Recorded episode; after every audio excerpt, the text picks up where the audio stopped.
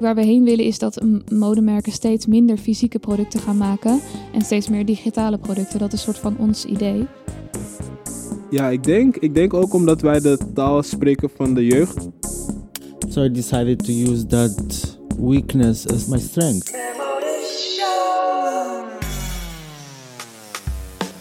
Welkom bij de Modeshow, een podcast over mode. Mijn naam is Georgette Koning, ik ben modejournalist. Voor mij is mode als de wereld en het leven zelf. Het is altijd in beweging. Het belangrijkste aan mode vind ik dat het altijd voortkomt uit hoe wij de wereld beleven. In deze podcast probeer ik met diverse modemakers ontwikkelingen in de fashion-industrie te duiden. De Modeshow podcast gaat dit keer over drie modemakers die buiten de gebaande paden werken. Waar zijn hun keuzes op gebaseerd? Hoort bij het nieuwe normaal dat de modeontwerper zich ook manifesteert als sociaal werker en de couturier als bruggenbouwer? Is verbinding meer dan ooit het toverwoord? Is screenwear de nieuwe streetwear? Ik praat in deze aflevering met drie gasten, die zich elk met hun ontwerppraktijk buiten het traditionele modesysteem hebben geplaatst. Voor modemaker Eben Badou van de New Originals draait het om out-of-the-box ondernemen en creatieve samenwerkingen. Karim Adouchi gelooft in verbinding en het vertellen van persoonlijke verhalen via mode. Mijn eerste gast is Amber Sloten. Zij begeeft zich als medeoprichter van The Fabricant, het eerste digitale modehuis, al pionerend, zeker buiten alle gebaande modepaden. Amber, uh, jij studeerde af in 2016 aan het Amsterdam Fashion Institute met een digitale collectie, de allereerste ooit. Uh, sindsdien blijf jij geschiedenis schrijven als medeoprichter en creative director van The Fabricant, het eerste digitale modehuis dat inmiddels ook als eerste een digitale couturejurk verkocht voor 9500 dollar. Amber, hangt jouw inloopkast uh, inmiddels vol digitale mode? Helaas nog niet. Um, het begint wel steeds meer, maar helaas op dit moment nog niet mogelijk om het echt uh, te verzamelen. Maar we zijn heel hard bezig met het bouwen van een structuur waarin je straks wel een digitale kledingkast kan bezitten. Hmm. En ook je digitale kleding kan gaan verzamelen. Oké, ja. Nou, ik, ik ben nu zo'n uh, 25 jaar modejournalist. En uh, een van de grootste vernieuwingen in de mode-industrie uh, die ik ervaarde, dat was de lancering van e-commerce. Uh, maar ik herinner me ook de eerste See Now, Buy Now show van Burberry. met, dat, met een live gestreamde modeshow. Uh, dat was in, in 2003. En ik schreef hier toen over, nooit gedacht, maar modeshows via livestreams zijn, als ze niet haperen of onscherp zijn, te verkiezen boven lijfelijke aanwezigheid. Al mis ik het amusante circus eromheen. en nou, een paar jaar later ontdekte ik jouw werk. En uh, voor mij maakte dat op slag heel veel uh, dingen hopeloos ouderwets. En ik las dat jij als Amfi-student uh, in 2014 je laatste kledingstukken maakte. Uh, was dat voor jou ook een omslagpunt om te gaan experimenteren met digitaal modeontwerpen? Ja, het voelde vooral heel natuurlijk. Dus het heeft voor mij nooit gevoeld alsof ik, um, ja, alsof ik iets anders deed dan, dan, dan dat ik kon. Ik, op de een of andere manier heb ik altijd heel erg een, een um, ja, voelde ik me altijd heel erg getrokken naar de digitale wereld. En als kind heb ik ook veel gegamed en um, heb ik ook heel veel um, in bijvoorbeeld games als The Sims gespeeld, waarbij je eindeloos soort van uh, je identiteit kon veranderen en kon aanpassen en uh, kon experimenteren met wie jij was als persoon. En dat experimenteren met identiteit heb ik altijd heel fascinerend gevonden en daarom ben ik uiteindelijk ook mode gaan studeren. Alleen ik vond dat de mode zo gigantisch ouderwets fysiek was en zoveel uh, afval had eigenlijk. Dat ik toen toevallig op, uh, op 3D-technieken eh, kwam. En um, ik heb ja, daardoor heel veel onderzoek kunnen doen naar welke software je precies kan gebruiken om 3D-kleding te maken. En ik heb een extra semester buiten het normale curriculum gedaan, omdat er eigenlijk geen ruimte was voor die, die, dat, dat onderzoek. Dus ik heb daar een extra half jaar voor gedaan buiten Amfi. Maar uh, daarnaast, ja, daarna heb ik ook gezegd van ik wil eigenlijk geen fysieke kleding meer maken. Want je kunt met digitaal juist zoveel meer uitdrukking uh, uh, genereren dan, dan met de fysieke realiteit. Ik vond dat altijd heel erg limiterend. Um, ook omdat bijvoorbeeld, nou ja, dan is je stof op, moet je naar de stofwinkel om weer extra stof te halen. En het ging allemaal heel langzaam. En ja, het was soort van, het kon niet de ideeën uiten die ik had. En toen ik digitaal kreeg, in één keer ging er zo'n enorm lichtje branden van, ja, dit, dit is het gewoon. Hmm. En, en dit, zou, dit ga ik nooit meer anders doen. En ehm, ja, tot veel eh, te- eh, tegenslag op school. Ehm, men was er niet echt mee eens. En docenten vonden het heel raar. En medestudenten ook. Want ik zat dan als enige in de gang met een laptop. Terwijl de rest allemaal met modellen in de gang stond. En eh, alles liet zien op modellen. Zat ik daar met mijn laptopje kijken. Zo ziet het eruit. en het is een hele andere manier van, van ontwerpen natuurlijk. Maar daar was het curriculum helemaal niet op gebouwd. En eh, dat, ze hebben er wel de ruimte voor gegeven. Dus daar ben ik heel Ja. eh, dankbaar Nou, voor. dat is aardig. Ja. Nou, de, Fabricant, waar je nu waar je medeoprichter van bent, eh, dat was het eerste digitale modehuis ook. Is het nog steeds het enige? Nee, het is niet meer het enige. We zien nu wel meer, eh, meer digitale modehuizen ehm, op, op eh, overal. En vooral veel digitale modeontwerpers die zelf ook hun kleding verkopen via andere platforms. Ja. Je ziet echt een enorme ehm, ja, opgang van jonge modeontwerpers die digitaal hun collecties maken in plaats van fysiek. Mm, Ja, nu? In, in Nederland of eh, internationaal? Internationaal. Ja, Ja. we zien het echt over de hele wereld. Ja, Kijk, eh, er was geen structuur voor toen ik afstudeerde. Hmm. ehm, maar, maar toen ik ben afgestudeerd heb ik wel weer lesgegeven op allerlei scholen. Zodat studenten daar wel weer ehm, mee in touch konden komen. Zodat ze zelf ook meer van die ontwerpjes konden gaan maken. En meer op deze manier konden gaan werken. Ja. Ehm, maar we zien dat meer en meer. En eh, steeds meer mensen eh, maken digitale ontwerpen. ja. In het begin, de- wat, wat ik jouw kracht vond, ook dat je heel goed digitale stoffen en kleding heel mooi kon laten bewegen. Ja, dat deed, deden anderen nog niet, denk ik. Eh, ben je daar nog steeds heel goed in, eh, vergeleken bij anderen? Of eh, is er zo'n gigantische inhaalslag geweest? Ja, dankjewel. Ehm eh ik zie nog steeds eigenlijk dat het wel echt een, ja, een, een kunst is om dat op een mooie manier te doen. Ja. Het is best wel makkelijk om een digitaal kledingstuk te maken, maar is het makkelijk om het echt te laten lijken? Ehm, dat is nog best wel de vraag. Mm. Dus dan is ook weer de vraag, moet dat wel in de digitale wereld? Want natuurlijk zijn wij gewend aan een, een, een zijde, maar moet een zijde in de digitale wereld ook echt een zijde zijn? Of kan het juist iets heel anders zijn? ja, je kan dingen toevoegen. Je kan dingen toevoegen Ja. of aanpassen. En, ja. En, en die eh, digitale jurk, eh, die een paar jaar geleden is verkocht voor 9500 dollar. Hoe tijdrovend is het maken van zo- zo'n ontwerp? Want ik denk dat het veel tijd kost, vergelijkbaar met het maken van een couture jurk. Ja, In ja, een fysieke jurk. zeker. Dus je kan het vergelijken. Het is digitale couture, maar wij gebruiken in plaats van naald en draad eh, de hoogste resolutie schermen en de nieuwste graphics cards. Ja. Dus het is een andere technologie, maar alsnog ben je er wel lang mee bezig. En... Was die 9500 eh, ehm, een oké bedrag? Of eh zie je couture begint bij 10.000 ongeveer, een, een Ja. simpel jurk? Ja, nou, eh, het, het ding was, ehm, ik denk dat het, mm, ja, dat het steeds hoger gaat worden. Ehm, maar op dit moment was het ook eh, voor ons een enorme mijlpaalmoment om te bewijzen dat iemand daar dus zoveel geld voor wilde betalen. Ja. Dus de proceeds gingen ook, dus de opbrengst ging ook naar charity. Dus het was niet voor ons Nee. zelf, maar het was meer een soort statement van, hey, iemand betaalt 9500 dollar voor dit item en het, het is nooit fysiek geweest. Nee. Dus het, het bewees zeg maar dat er een markt was voor dit soort items Ja. omdat het, dat is een NFT, dus misschien heel techniek, ehm, technisch, maar non-fungible token. En dat en onze jurk was de eerste NFT die verkocht was van een kledingstuk. Ja. En dat is nu ook een stukje historie. Ja. Dus degene die het nu Precies, ja. bezit, ehm, ja, die, dat heeft ook heel veel waarde. En binnenkort gaan we het ook weer herveilen. Oh. Dus dat is heel Ja. leuk.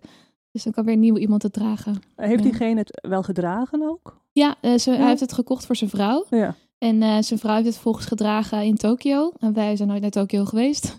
Maar Hmm. eh, zij heeft die kleding, dat kledingstuk gewoon kunnen dragen ehm, ja, in Tokio, terwijl wij in Amsterdam zaten. Ja. Ja. Want een paar jaar geleden waren jullie begonnen met, eh, ja, eh, in, een, in mode is bekend fashion drops. En jullie begonnen met eh FROP, dat staat Ja. dan voor Free File Drop. Ja. Eh, destijds gratis, is dat nog steeds gratis? Ja, en we hebben daar eigenlijk een heel mooi plan mee. Want we willen niet langer alleen dat wij degene zijn die collecties maken. Maar wij geloven heel erg in de toekomst van de collaboration. Dus we willen heel graag dat mensen met ons gaan ontwerpen. Dus eh, toen wij onze files eh, online zetten, al, al onze collecties, alles wat we hebben gedaan online zetten, dat is natuurlijk voor een modehuis echt iets heel geks. Want dat is, iedereen in de mode-industrie houdt alles heel erg secret. Ze houden alles heel erg geheim voor elkaar. En daardoor groeien ze eigenlijk ook helemaal niet, want ze Mhm, delen geen ja. kennis.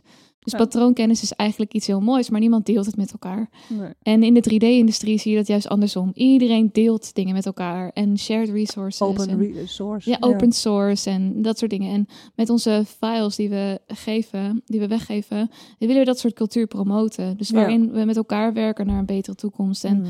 ons plan voor de Free File Drops aankomende tijd is dat we dus ook eh, eh, basisontwerpers gaan, gaan droppen. Eh, en dat de community dan met ons kan gaan ontwerpen, mochten ze dat willen. Ja, Eh, dus dat ze hun eigen versie daarvan kunnen maken. ja.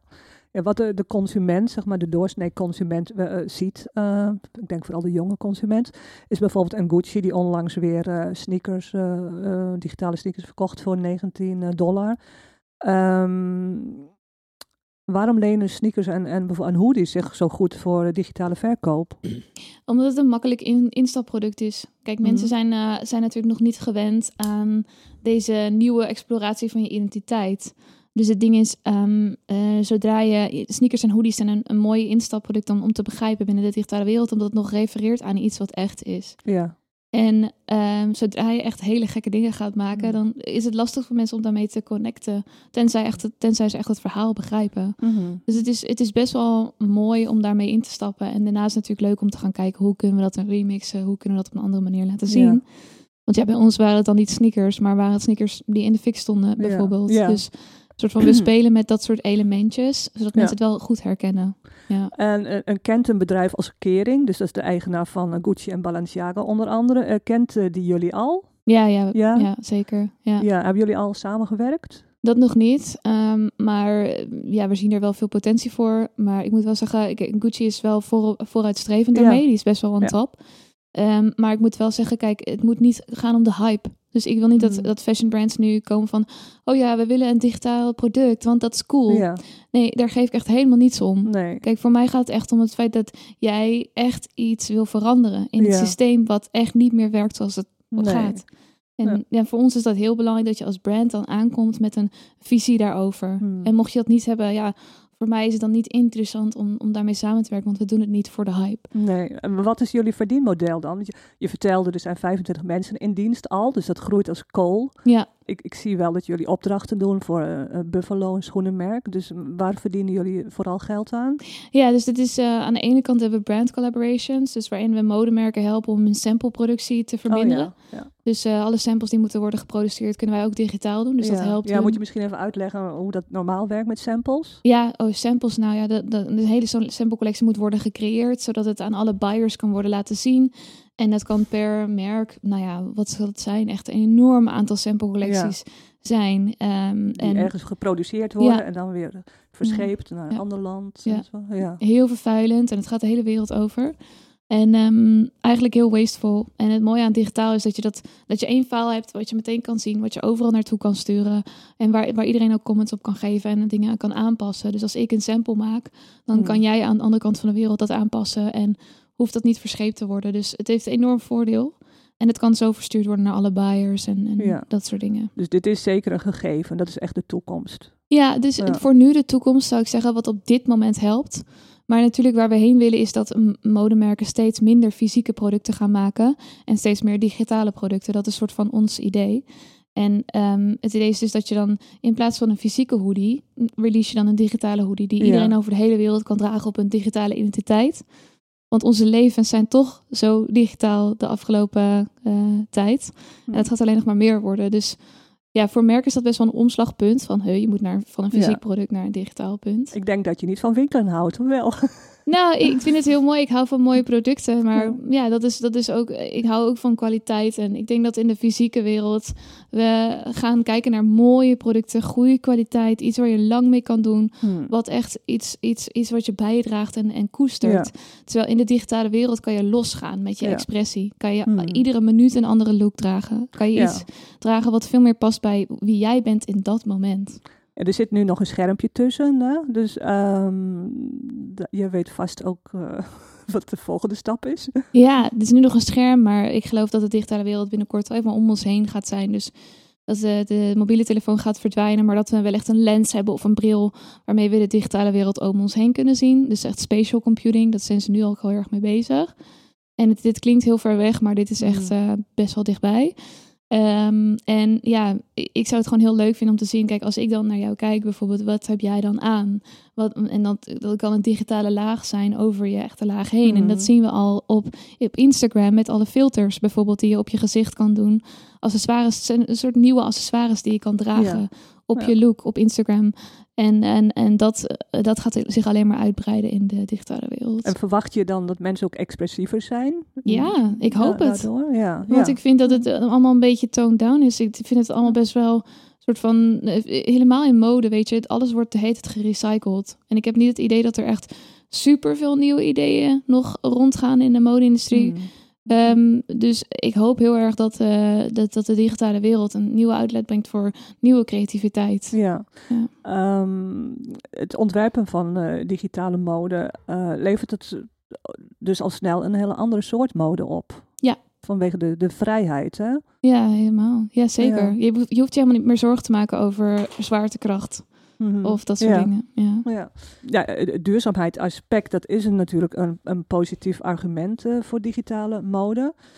Eh, maar aan de andere kant eh, wordt de digitale wereld natuurlijk in, in de lucht gehouden door uh, datacentrum die enorm veel stroom eh, gebruiken en heel veel koelwater om chemisch, eh, waar chemische stoffen aan eh, toegevoegd worden om het beter te koelen. En die worden niet altijd uitgehaald.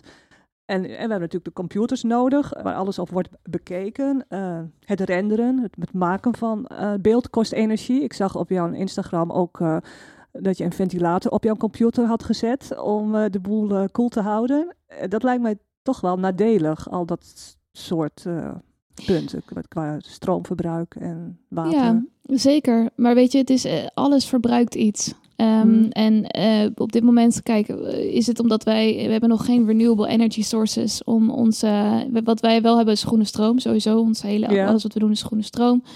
Maar ja, de wereld draait gewoon nog niet op groene stroom. Hmm. Ehm, maar het ding is, het is heel anders, want een digitaal kledingstuk is ongeveer ehm, nog minder dan een tiende van de impact van een fysiek kledingstuk. En dan neem je nog niet eens de, ehm, de, de wearing in, in, in acht, dus de dragen in acht. Want hoe vaker jij een, een polyester kledingstuk wast, hoe vaker er plastic deeltjes in de oceaan komen.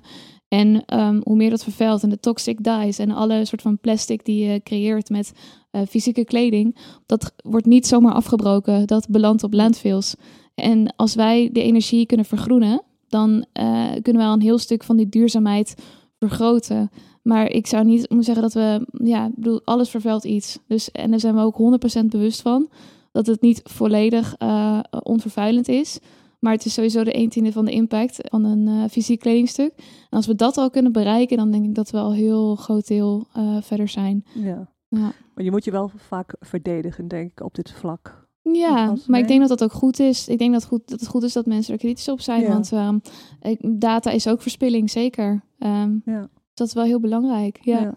Ja. Op heel veel gebieden was je de eerste. Eh, waar hoop je binnenkort de eerste mee te zijn? Oeh, ehm, ja, ik, de eerste vond ik nooit echt heel erg belangrijk. Ik hoop gewoon dat, echt, dat er lasting change kan komen. En ik hoop dat wij een voorbeeld kunnen blijven voor, voor, voor de industrie. En ik denk dat onze visie voor de toekomst, waarin wij eigenlijk eh, zien dat wij niet langer alleen de ontwerper zijn, maar we juist willen ontwerpen als eh, een collectief met de, de mensen met wie we samenwerken. Dus dat het echt in plaats van dat er één sole designer is die werkt, wordt het een collective design ehm, iets. En daar zijn we nog nu mee bezig, maar dat, is, dat heeft heel erg veel te maken met nieuwe technologieën, blockchain en decentralization. Dus wij hopen eigenlijk heel graag eh, ja, dat we de, de eerste gedecentraliseerde modehuis worden. Dat zouden wij echt helemaal fantastisch vinden. Ehm, maar dat is nog wel ver aan de horizon. Ehm, Ja. Ja. Eh, Het schijnt dat eh, tijdens de, de pandemie de interesse enorm is eh, toegenomen hè, voor digitale mode. Eh, Ja. Op welk vlak is dat dan wel? Waar zie jij het meest? Waar zie je dat aan? Wat, hoe merk jij dat-? Ja, super veel interesse sowieso van klanten, Ja. dus van Oh, brands. Dus dat, dat, we kregen echt heel veel brands, maar ook heel veel fashion weeks waar we mee hebben gepraat. Die Mhm. zeiden, kunnen we het digitaal doen? Kunnen we het ja, toch, toch digitaal door laten gaan? Het grappige is, als je dan praat met brands, dat ze dan zeggen, ja, kunnen we dan een heel realistisch model op een hele realistische catwalk in 3D? En dan denk Mhm. ik, ja, maar waarom doe je dat? soort van, je kan alles doen wat je wil. Ja. Je kan een model op de maan laten lopen. Je kan echt alles zo gek bedenken als je wil. Maar dan wordt het toch altijd weer dat modelletje op die catwalk. En Ja. dan denk ik, dat kan zoveel creatiever. Dus ik hoop dat we En- dat... Maar wat antwoord je dan eerlijk? Ja, zeker. Dat zeg je. Ja, Ja, ja, ik zeg dat zeker. Ik zeg zeker, ja jongens, we kunnen alles doen. Ja. Eh, wat, wat willen jullie doen? Ehm, zeg maar, wat, wat, wat embodied jullie merk? En als dat echt is een catwalk, oké, prima. Hmm, Maar ja. ja, liever exploratie dan, eh, dan imitatie. Ja, Ja, dus en ook een creatieve uitdaging voor jullie. ja, Ja. dat is heel leuk. Want, want ik zie ook dat je heel veel reist. eh, je was in Hongkong eh, een tijdje terug. Ja. eh, voor een warenhuis, een project gedaan. Ja, daar was ik niet fysiek, maar ehm, ehm, ja, dat, daar hebben we wel een project mee gedaan. Ja, Ja. Ja. En, en eh, ik zag iets met een, een raam waar de telefoon... Hoe werkt het precies? Je moest de telefoon erop doen. Dus iets anders als eh, een eh, code, denk ik. Of was het? Ja, eh, dit was een soort van digitale pop-up store. Mhm. Dus in het was een fysieke locatie met alleen maar schermen. Dus er was geen enkel fysiek kledingstuk in die winkel aanwezig. En dat warenhuis wilde eigenlijk bewijzen dat we eigenlijk geen fysieke kleding in de winkel meer nodig hebben. Hmm. Dus Ja. dat, je, dat mensen eigenlijk van een scherm en digitale items ehm, al, al dingen kunnen bestellen. En, en dat ehm, eigenlijk net zo waardevol vinden als ehm, fysieke kleding. En eh, het bewees ook zichzelf, want die pop-up store heeft niet eens alle locaties gehaald, omdat die collectie zo snel was uitverkocht. Oh. Dus we, we geven eigenlijk helemaal niet meer zoveel om de fysiekheid als Hm. we dingen bestellen. Ja.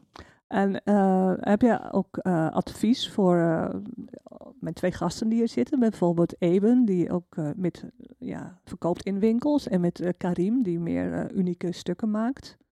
Om zich te binden aan de digitale wereld op de een of andere manier, op een creatieve manier. Nou, ik denk dat het eh, niet per se, het is niet voor iedereen weggelegd. Ik denk dat het heel belangrijk is om te voelen bij jezelf van, is, is daar interesse? Voel je daar iets voor of niet? Want ik, ik hou ook heel erg van craftsmanship en van, eh, van couture in, in, de, in de fysieke wereld, ehm, eh, streetwear. Er is overal zo'n grote, hoe zeg je dat, soort van plek voor. En ik heb niet het idee dat iedereen naar die wereld hoeft te bewegen. Maar wat ik, wat ik wel heel belangrijk vind, is dat daar Ehm, en dat er een bewustzijn is van, van, van de planeet en dat soort dingen. En dat we dat in acht nemen. Voor mij is dat het allerbelangrijkste. En hoe iedereen dat tot expressie eh, brengt, dat is aan iedereen zelf. Hoewel de digitale wereld heel exciting is, eh, zou ik niemand pushen om daar eh, heen te gaan als ze dat niet willen. Ja, oké. Eh, Dankjewel. Ja, jij bedankt. Ik ga naar mijn volgende gast. Eh, dat is Eben eh, Badou. Hij is eh, medeoprichter van The New Originals, een Amsterdamse straatmodemerk slash platform. Eh, Eben liep stage bij Filling Pieces en Pata Distribution. Hij studeerde International Business en volgde een eventstudie. Dit alles klinkt als veel, maar ook als de perfecte basis voor een bedrijf. Dus in 2016 richtte hij de New Originals op met zijn matties eh, Maru Ashmalash en eh, Rizky Lazaido. En hun visie is eh, think out of the box. Even, ik, ik vermoed dat jullie net als veel andere ondernemers tijdens het coronajaar eh, behoorlijk out of the box hebben moeten denken. Ja, zeker. Het was voor iedereen weer even een nieuwe tijd. Maar ook wel stiekem ook een, een fantasie, denk ik. Mhm. Ja, heb je, heb je meteen een concreet voorbeeld waarvan je vermoedt dat het anders er niet eh, gekomen was? Eh, op wat voor manier? Ja, gewoon vanuit het, eh, jullie merk. Door, door de, dat de winkels dichtgingen. Dus al verkoop je natuurlijk wel online, maar... Ja, zeker. Ehm, het, het, on, het fysieke gedeelte is voor ons zo belangrijk. Ook omdat je zo kan engagen met, met de mensen. En ook mensen leert kennen. En ehm, bij elkaar kan komen. Je ziet hoe bepaalde soort kleding staat op bepaalde op mensen. En hoe zij het dragen. Maar tegelijkertijd zijn wij echt ook opgekomen eh, met het internet, eh, met social media. Dus wij zijn eigenlijk de brand begonnen in dezelfde tijd dat ehm, uh, platforms zoals uh, Twitter en Instagram en Facebook zijn opgekomen. Dus daardoor uh, konden we eigenlijk een soort van hand in hand met de tijd een soort van meejumpen. Mhm. Nou, jullie runnen de business met z'n drieën ehm, en hebben ervaring opgedaan ook in de mode. Maar volgens mij heeft niemand van jullie een, een modeopleiding. Ehm, voelt dat als een gemis of als een beperking? Of is dat juist een opluchting? Jazeker, ik denk, ik denk dat het vaak ook wel natuurlijk als een gemis is. Ook omdat um, ik geloof altijd dat iedere industrie um, bepaalde soort uh, basisregels heeft en basisinformatie die je altijd wel kan gebruiken en toepassen. Maar tegelijkertijd uh, geeft het ook wel weer een hele andere fantasie, uh, waardoor je jezelf de hele tijd moet uitdagen. En eh, de ervaring die je hebt gehad, of die ik altijd, althans heb gehad bij een Pata en een Filling Pieces, die pas je dan voor jezelf toe. Dus voor mij waren dat een beetje de scholen. En daardoor kon ik ook weer ja, reflecteren samen met mijn partners. Ja, maar eh, zag je ook dingen waarvan je dacht, oh dat ga ik anders doen? Ja, zeker. Ik denk ook omdat um, iedere founder probeert uiteindelijk in de collecties die die persoon probeert te vertellen, een eigen story daaraan te verbinden. En voor iemand is dat misschien streetwear gedeelte. Pata is natuurlijk, um, zij vonden sneakercultuur heel belangrijk. Dus voor de internettijd zijn zij heen en weer naar Amerika gegaan. Uh, Filling Pieces, Guillaume is zelf uh, een architect. Dus hij is uh, afgestudeerd op, op bouwkunde. Dus hij, hij neigt toch iets meer naar, um, naar high-end en um, ja, designer. Um, techniek ook? Ja, techniek ja. ook. En ja. wij, of althans voor mijzelf, um, zit ik er gewoon echt net tussenin. Dus ik probeer ook gewoon vanuit high-end de inspiratie te halen. Maar tegelijkertijd vanuit streetwear, de, ja, de hoodies, de t-shirts, de, de, de, graphics. Dat is een heel, heel belangrijk onderdeel om, uh, om een verhaal te vertellen. Ja, ja. Nou, ik vind de New Originals echt een hele toffe naam voor een modemerk. Het, ergens is het alsof het heel lang bestaat. Maar ja, met zo'n naam ligt de lat ook hoog natuurlijk. Want ja, nieuw is natuurlijk waar de mode ja, om draait. En, en waar zit voor de New Originals de vernieuwing? Oftewel, uh, ja, op vooral gebied van ondernemen. Waar zit dat vooral? Ja, de New Originals is eigenlijk begonnen als een blog, een paar jaar geleden. En de naam is um, verzonnen door Jesse de Nijs. Hij, uh, hij werkt ook bij ons. Hij ja, helpt, meer op het, helpt veel meer op het creatieve. Maar um, dus voordat we echt met kleding bezig waren, waren we altijd bezig met... Oké, hoe kunnen we hoe kunnen we de laatste updates uh, weer in deze industrie delen met onze vrienden en, onze omgeving. Ook omdat uh, Instagram, et cetera, was nog niet zo'n ding. Uh, toen we de blog waren begonnen. Dus het was voor ons een manier om ja, de updates mee te geven. En op een gegeven moment ga je gewoon door tijd heen. En dan gaat iedereen zijn eigen interesse achteraan. Dus hadden we de blogspot even aan de zijkant gezet. En ja, zijn een paar zijn meer muziek gaan maken, de anderen zijn meer gaan DJ'en. Um, en wij zijn gewoon mee bezig geweest met, uh, met het kledinggedeelte. Ja. En dus, dus dat stukje van um, creatives laten zien en uh, delen wat zij aan het doen zijn, dat is altijd voor ons wel een basis geweest. Ja, jij bent zelf ook muzikant, toch? Yes, muzikant. DJ. Ik zag een hele komische clip voorbij komen. Fluitje van de cent. Ja, Fluitje van de cent. Dus uh, kijken die clip. Um, een van jullie laatste projecten, uh, dat is een schaakspel. Uh, levensgroot. En dat wordt uh, geëxposeerd in de Hogeschool van Amsterdam. Dus binnenkort gaat het ook weer open, denk ik. Maar dan, dus op een dag kom jij op het idee van... we gaan als modemerk gaan we een spaak, schaakspel ontwikkelen. Why? Voorheen heb ik altijd sales gedaan. En op een gegeven moment, um, ja... Om het half jaar proberen we met het team na te denken over hoe de toekomst eruit ziet. En op een gegeven moment sprak ik dus met Risky. Hij deed eerst de collecties en ik, deed sales. En ik gaf hem aan van ja, het lijkt me heel leuk om, om meer op design te focussen. Dus eigenlijk was um, die collectie, um, Spring Summer 21 Brain Games, was mijn allereerste collectie. En, en daarin probeer ik ook de interesses die ik zelf heb uh, te verwerken in, in de collecties. Dus um, ja, schaken is voor mij altijd een, een game geweest die er niet vaak ja, je, je opent niet het gesprek vaak met laten we schaken. Nou, tegenwoordig wel, vanwege de Queen's Gambit misschien. Z hè? Zeker. Ja. En, um, en dat vind ik ook dope van, van het verhaal die net verteld was. Dus soms, um, ik heb het de laatste tijd vaker over met, met vrienden van me van je intuïtie of je onbewuste ziet, ziet en weet veel meer dan, dan je bewuste. Dus ook uh, toen wij bezig waren met deze brain games en schaakset, Um, de, de serie was er nog niet en de film was er ook nog Nee. niet. Dus het was ook waarschijnlijk misschien een, uh, een, een collectieve consciousness die op een gegeven moment bij elkaar kwam. Uh, Mhm. Het klinkt uh, heel zweverig, Ja, maar zo, uh, zo is mode vaak. Ja. ja. zeker. Dus het, Inspiratie. ja, veel inspiratie. En, en, en, en op een gegeven moment kwam het samen en toen was Queen's Gambit. En toen zei iedereen van, hey, heb ik Queen's Gambit gezien? En ik had het natuurlijk nog niet gezien, dus ik moest hem ook weer Ja. checken. Om, uh, Maar jullie uh, pionnen zien er wat anders uit. Ja, klopt. Onze character Freddy komt erin voor. Dat is onze mascotte. In het begin ook omdat we uh, bij deze huizen hebben gewerkt als filling pieces en patten. Vonden het gewoon heel erg belangrijk om een om een eigen verhaal te vertellen. Dus om, om onszelf niet te veel te positioneren nog. Dus we Mm. vonden het leuk om een spokesperson het verhaal te vertellen. Maar op een gegeven moment kwam eh, representatie kwam naar voren. Vooral eh, vorig jaar en het jaar daarvoor. Um, en toen was ik er gewoon achter gekomen van oké, ik kan de brand runnen uh, op de achtergrond en niemand weet wie ik ben, achtig. Mm. Maar tegelijkertijd is representatie zo belangrijk Ja. dat, dat een kid in, in, in Amsterdam-Oost of whatever ook ziet van hé, hey, Eben, ja man, hij, hij lijkt ook op mij, ik, ik kan het ook misschien uitproberen. Mm. Dus door tijd uh, verandert gewoon ook een beetje de, de keuzes en hoe je jezelf wilt positioneren. Ja. ja. Nou ja, het, toverwoord voor jullie is ook samenwerken. Hè? Uh, met, jullie hebben samengewerkt onder andere met IT van Filmfestival, Stedelijk Museum. Uh, en, en, ontzettend, nou, bijna te veel om op te noemen.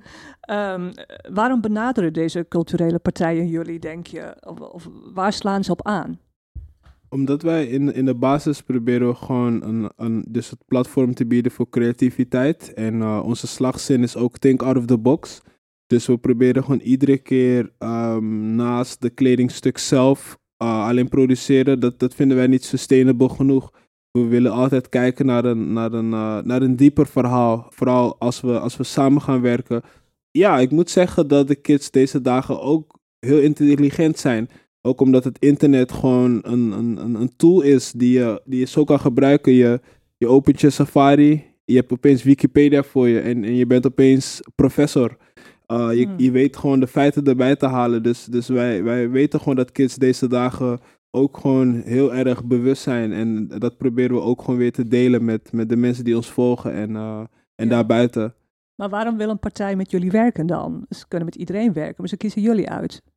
Ja, ik denk, ik denk ook omdat wij de taal spreken van de jeugd, denk ik. Um, dus wij, wij, wij hebben een winkeltje op de Zeedijk, waar we ook gewoon vaak zijn. Um, wij, wij luisteren gewoon veel naar, naar, ja, naar hip-hop, RB, uh, ook jazz. Um, dus, dus wij weten gewoon ja, toch een bepaalde soort taal te spreken die, die, oh, die zij ook willen, denk ik, reachen.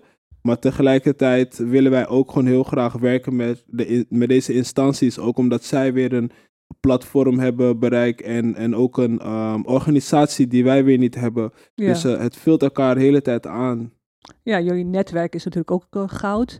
Maar, maar komt het wel eens voor dat je, je denkt van, ja, hier zie ik geen eh, match in? Wat is dan de, de reden? Zeker. is, eh, Ehm, ja, we geloven ook in timing. Want soms, Ja. soms ehm, ja, zit je focus toch net op een andere spoor. En dan als je dan uh, gaat storten op die samenwerking op dat moment, dan um, ja, sneelt je andere projecten even onder. Dus we proberen voor onszelf ook heel goed uh, prioriteiten te stellen, zodat we het maximale uit de situatie kunnen halen. En um, dat is dan vaak ook, denken wij, beter voor de andere partner, maar ook weer voor onszelf. Ja. Vond een, een hele opmerkelijke een milkshake bar. eh, op welk punt komt de commercie dan kijken? Of wat ik eigenlijk wil vragen, wat is uiteindelijk jullie eh, verdienmodel? Zijn dat de samenwerkingen of, of zijn dat de collecties? Ik denk dat de verdienmodel uiteindelijk de kleding is. Um, Ja. Ook omdat, wat bijvoorbeeld een, een leuk voorbeeld is, uh, waar we ook veel van hebben geleerd, is Bape. Bape is ook een Ja. uh, Japanse uh, streetwear label, ooit opgericht door Nigo. En hij is uh, kunstverzamelaar, maar daarnaast doet hij ook de brand Human Made. En hij heeft in zijn tijd zoveel samenwerkingen ook gedaan met Bape. Bijvoorbeeld met een Pepsi, met een... uh, met, ja, het, het, het, het gaat, de lijst gaat maar door. En, um, en wat je daarin ziet is uh, dat hij heel, heel, altijd heel goed weet te dansen in die samenwerking. Dus al is het bijvoorbeeld een Pepsi, hij weet het zo op een manier te positioneren dat je heel sterk ook zijn eigen DNA daarin terugziet. Ja. En um, dan wordt het voor mij gewoon niet alleen kleding, maar dan wordt het gewoon meer kunst. Ja. En, um, en, en kunst is ook weer een hele interessante manier van uh, expressie. En dat is ook eten. Eten is ook weer een bepaalde manier van expressen, samenkomst. Uh, mensen hebben misschien een hele lange dag gehad. Of ze hebben misschien iets, iets naars gehoord. En dan komen ze op zo'n plek. En dan vergeet je gewoon even waar je, waar je was. En dat Ja. is denk ik ook uh, een leuke intentie. Heb je zelf een, eh, een wens uh, voor een samenwerking met een bepaalde partij?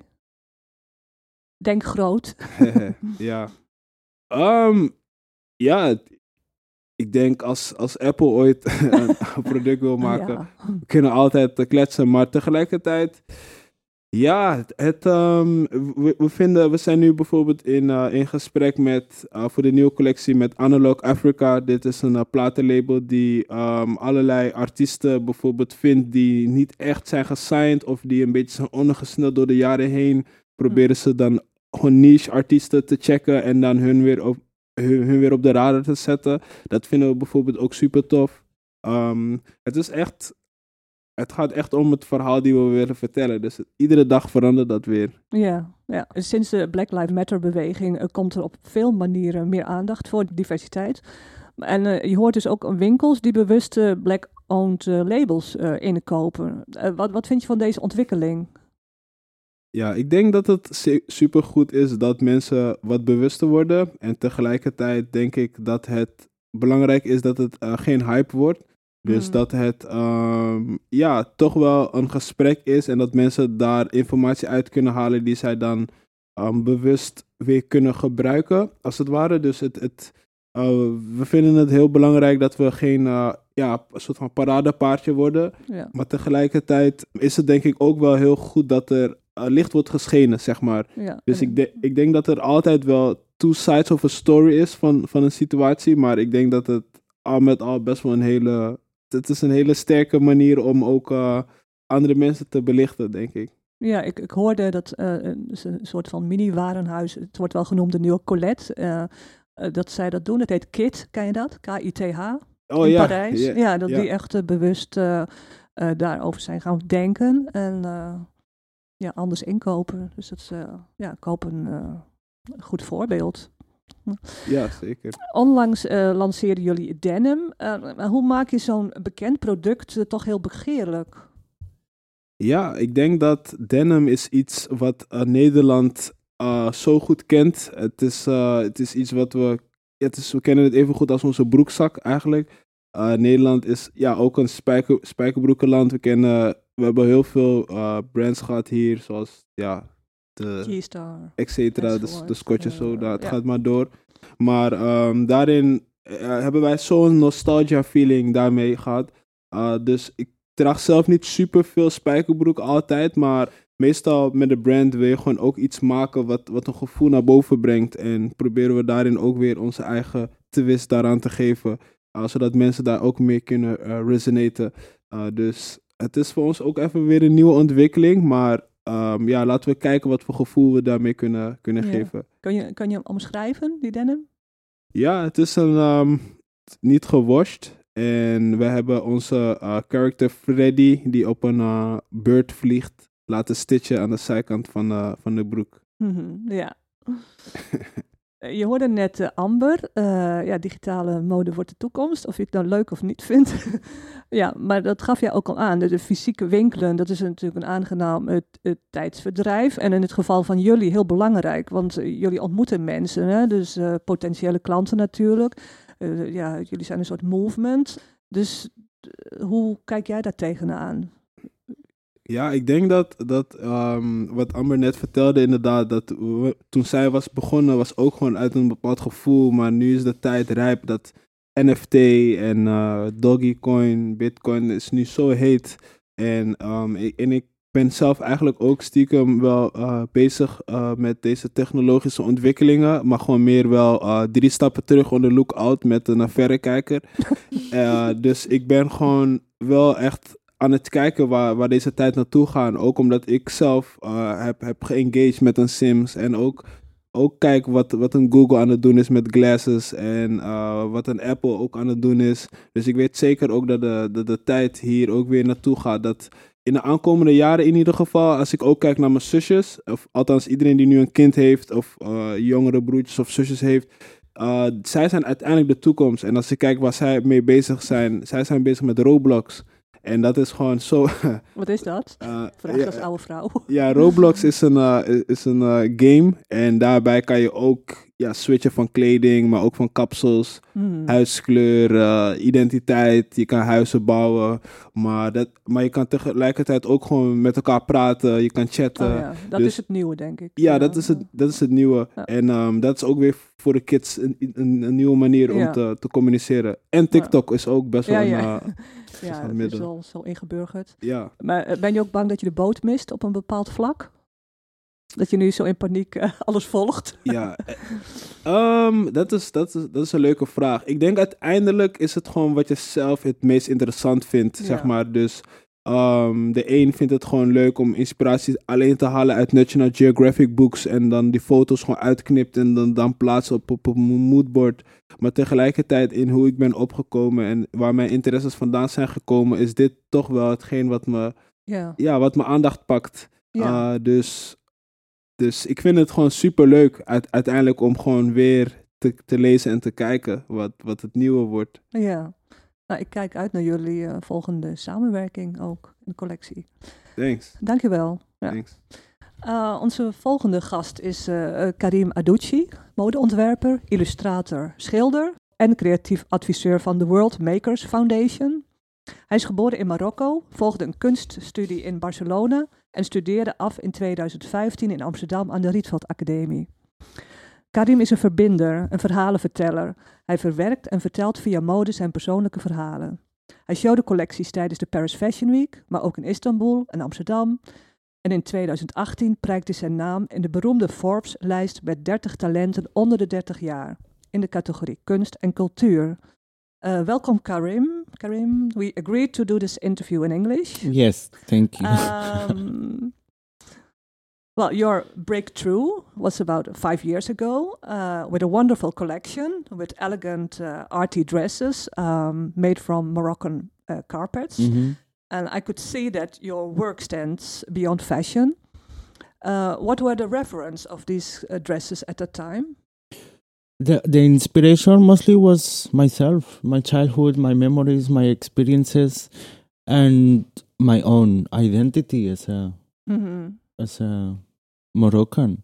Were you at the time one of the first Dutch designers uh, working, well, well, Dutch, Well, yeah, migrants, Potato, potato. uh, who uh, used their identity as uh, inspiration?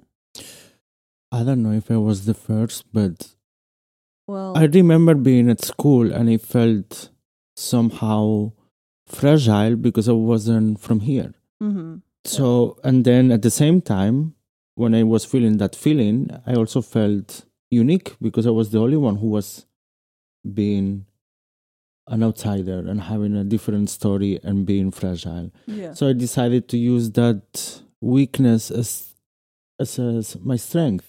yeah. So I went for it and I just went for my own story, my own heritage, and my own culture. You know, instead of looking for inspiration into something I don't relate to, like could be a movie or a song or, you know, I just went to myself. Mhm. You know, it's like, and I think when you experience your own inspirations, people relate to your own experiences. Yeah. you know and i think for me was i didn't even really think about it at that time. It was a very natural human need of survival to do it. I had to do it because there was competition around. So i had to be strong and i had to know who i was because first you have to have a foundation and know who you are what you stand for where you come from so you know where to go Mm-hmm.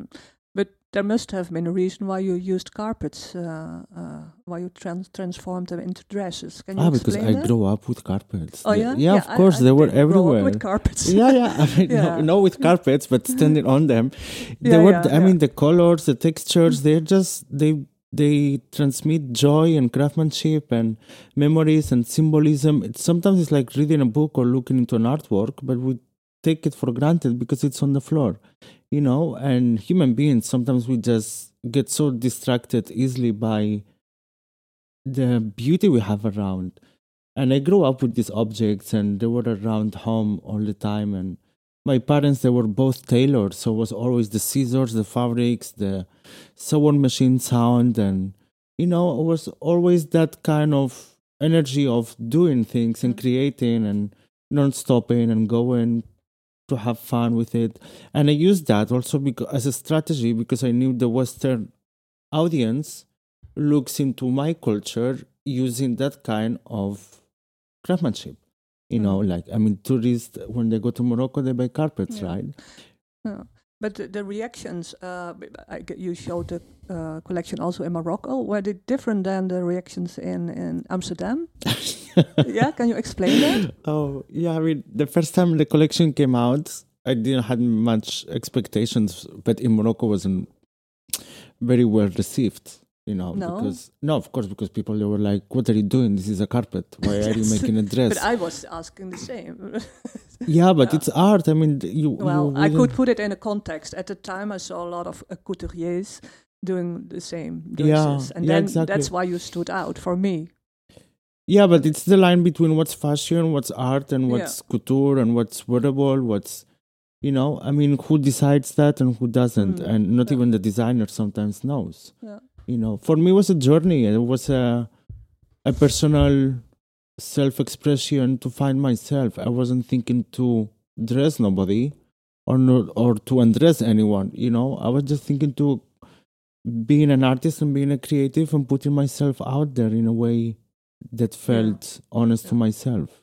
Uh, so you really love to make uh, meaningful uh, designs. And uh, a bit later, you started working with uh, migrant craftsmen and uh, Mhm. refugees. Uh, what was the idea behind this uh, move? Um, was well, well, the idea is quite complex.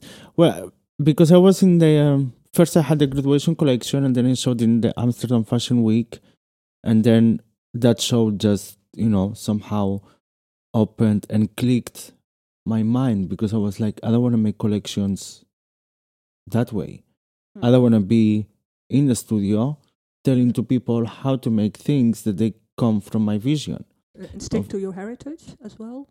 No, I mean that's a different Yeah. topic, but for me was I also realized how powerful the voice of fashion is press wise Mhm. if you Yeah. have a story to tell. Yeah, exactly. Storytelling. Storytelling, yeah. Yeah. And for me, I mean, it, for me, the press always treated me very well, but I took it sometimes for granted. And I thought, well, if I can use this voice to tell stories and to empower people, and for me to find a way to grow, helping others to grow with me, Mm. why not? So I decided to make fashion collections or projects or exhibitions that I'm not the boss, I'm the initiator, but I have collaborations with people where I ask them, what do you think? Yeah. How do you feel? You know, and then we grow together. And yeah, it's also about interacting with people. Yeah. So uh, connecting uh, with people in in real life uh, Yeah. is very important. But so how did you pass all those uh, lockdown months? Well, interaction has many, many Yeah. definitions. But then you We- had to improvise. uh, yeah you have to adapt and be flexible and so, improvise. Hmm. but yeah we've, i found different ways to interact. I had i made different projects. I mean the first month i couldn't stay home so i made face masks for homeless shelters and Oh, yeah. some hospitals because i had fabric in the studio and i had sewing machines.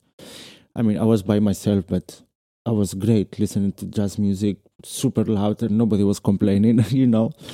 And then the month after i was i was giving food away with a foundation to also homeless shelters we were giving 500 meals a day Mm. and i was wearing masks so i wasn't you know the mask i made myself and then the month after it came together with the world makers foundation we Yes, came yeah. up Can you tell something about uh, that fo- foundation? yeah well the foundation was co-founded by me and anka sano that is a friend and she was helping me always with my shows with the um, with the minorities but we decided to create a foundation aside of my brand because then it was easier to you know have both separated but still work together Hmm.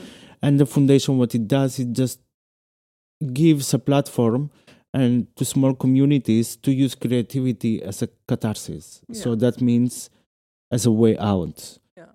using art as therapy you know Mhm. because for me as a kid if it wasn't for creativity or art i wouldn't be where i i am now because i i was you know I didn't speak much as a kid when I moved to Spain because they thought I was autistic. But I knew I just didn't like people at that time, you know, so I didn't speak to them.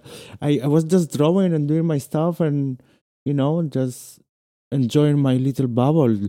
But then with time, I saw that that could, it healed me and it Yeah. helped me and gave me s- some mind peace. So I just, this, we decided to give the same to people as well. Yeah. Uh, Do you have the feeling you invented yourself as designer by starting social product projects? I don't overthink that much. I mostly feel more, and I'm not sure if I invented anything, but Not yourself. well, I mean, You're I not mean, a typical uh, fashion maker. Uh. no, but who's a typical fashion maker? Well, if you I know a lot of uh, Jan Taminiau, for example, who has a lot of success. yeah, it's crafts. Yeah, it's- yeah, Or, I know what you mean, Claes yeah. Uh, David Laporte. Uh, Yeah, I know what you mean. I appreciate that. yes. And I, I'm, yeah, I don't know. I think so. I guess so. I, I look for challenges because for me, it's, I could easily make a f- commercial fashion collection and sell it online and boost it, you know, Yeah. or make a couture collection and, and st- I mean, I have couture clients, Yes. but, yeah. and I don't expose them because it's my strategy for marketing to keep them very private. Yes, yeah, and then yeah. that comes with the price of the dress Mhm. you know we don't expose the prices we don't expose the client we don't expose the dress Yeah. so But they it's, pay It's a way for you to make a living. Th- That's, Ye- is, is the base. yeah but it's also a way for me to to create an image and um, an experience for the client and being exclusive 100% Mhm. you don't show the dress you don't show the client you don't show the price Yeah. so and people love privacy because in the end the private life it's a happy life so you know it comes with the price yeah. but that's something I don't put out there socially. But it's my business case. It's how Mhm. we make, you know, the the Yeah. income. because the the World World Makers Foundation is uh, sponsored eh, by a lot yeah, of that's a parties. side. uh, yeah, yeah, Uh, de gemeente Amsterdam, Yes, West, I think. Uh, yeah. What else? I saw a lot of parties. So, which uh, indicates the, the urge of projects like uh, you invent. Can you give some examples of your latest project? Uh, For example, the embroidery project. Yeah, well, f- during the first lockdown, we decided to bring or somehow draw faces on a piece of fabric. And Yeah. then these faces were drawn by me. That's the faces I drew since I was a kid. But they were drawn in a way that you could embroider them Uh, So you make the drawing on on, fabric. on fabric, Yeah. and then we pack them in a little small Japanese envelope way Mm-hmm. with a needle and thread inside yeah. and then a little paper that explains how you could Okay. embroider. You don't need it to have experience. Yeah. Yeah, the stitches. Yeah. And then I put it out there on Instagram and Facebook, and then we had I don't know 400 people who sign up in a day. Okay. They ordered. I was like, oh my god, Yeah. what's this? How, where I'm Mhm. gonna find 200 needles? you know, I, I did it for 25, you know, Yeah, just for fun yeah. or something. So and then I saw myself on the street with everything closed, looking for envelopes, needles, thread, fabric. I was like, I cannot find this.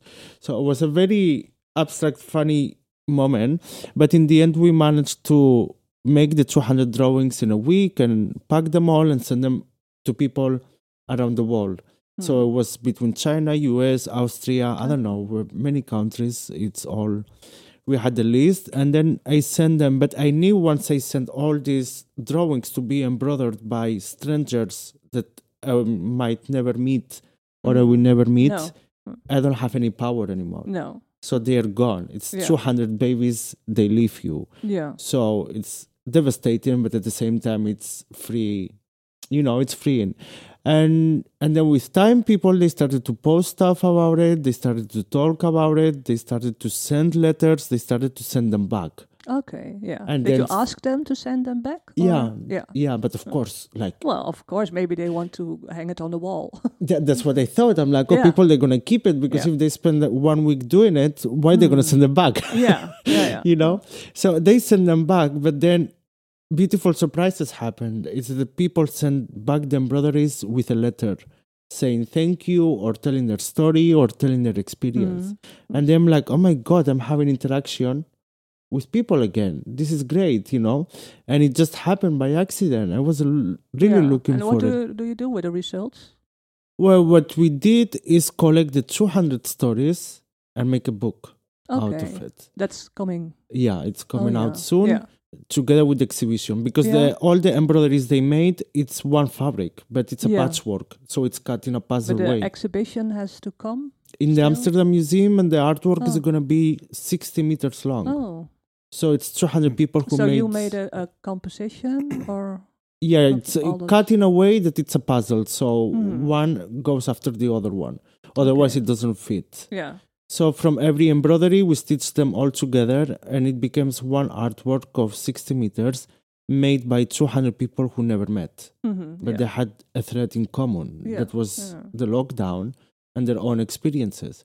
And Mhm. then we made a book that consists of every face embroidered with every story and every person who made it. Okay. And then this book represents a um, social document of our time because what I did, I wanted to use this somehow pandemic to find a silver lining out of it because Mhm. everyone was so focused on the negativity that when you focus on something so much, it just keeps growing. So I wanted to find something else to give them some color and some distraction and some interaction. Mm. And then from once the book is out, it's gonna be at the uh, together at the museum, and we hope that uh, everyone will meet. But Oh, of course, everyone Mm. is No, you do a, from abroad and live here. stream, maybe. Yeah, I'm not a big. I don't know how to do that stuff, Yeah. but I will hire someone to do it. you was still time to design a, a new collection because your last collection was from 2019 with uh, 19. Mat- Mat- what was the name? Maktub. Mat- yes, Yeah, it was with inspired by uh, Morocco craftsmanship. craftsmanship, And destiny. mosaics, a lot of embroidery. yes. Yeah. So um, Yeah. when can we expect another collection, or are you're too busy Um, with your social projects? Yeah, I mean, it's. I always say the same. It might sound rude, but it Well, will. maybe it's not a time to do this, and you wait for a few no, years. I just, I just think that you know, like we are so forced creative sometimes to show often because to please the audience that I'm like Mhm. you. Nobody asks a writer, "Hey, when is your next book coming out?" After six months of writing the last one, mm, or a musician, "Hey, when is your album?" You know, it's. I will the collections that will come out when they will come out when they are Mhm. ready, because I think also the fashion system. It's also my statement to keep silent yeah. and use that silent silence as a as a statement. Mm. And it's the same what I did with my fashion collection made with refugees from Syria Yeah. outside of fashion, Amsterdam Fashion Week on my own location when I was not known. You know, Yeah. and even my PR was like, "Oh, nobody's gonna come," Yeah. and then was overbooked all around the building.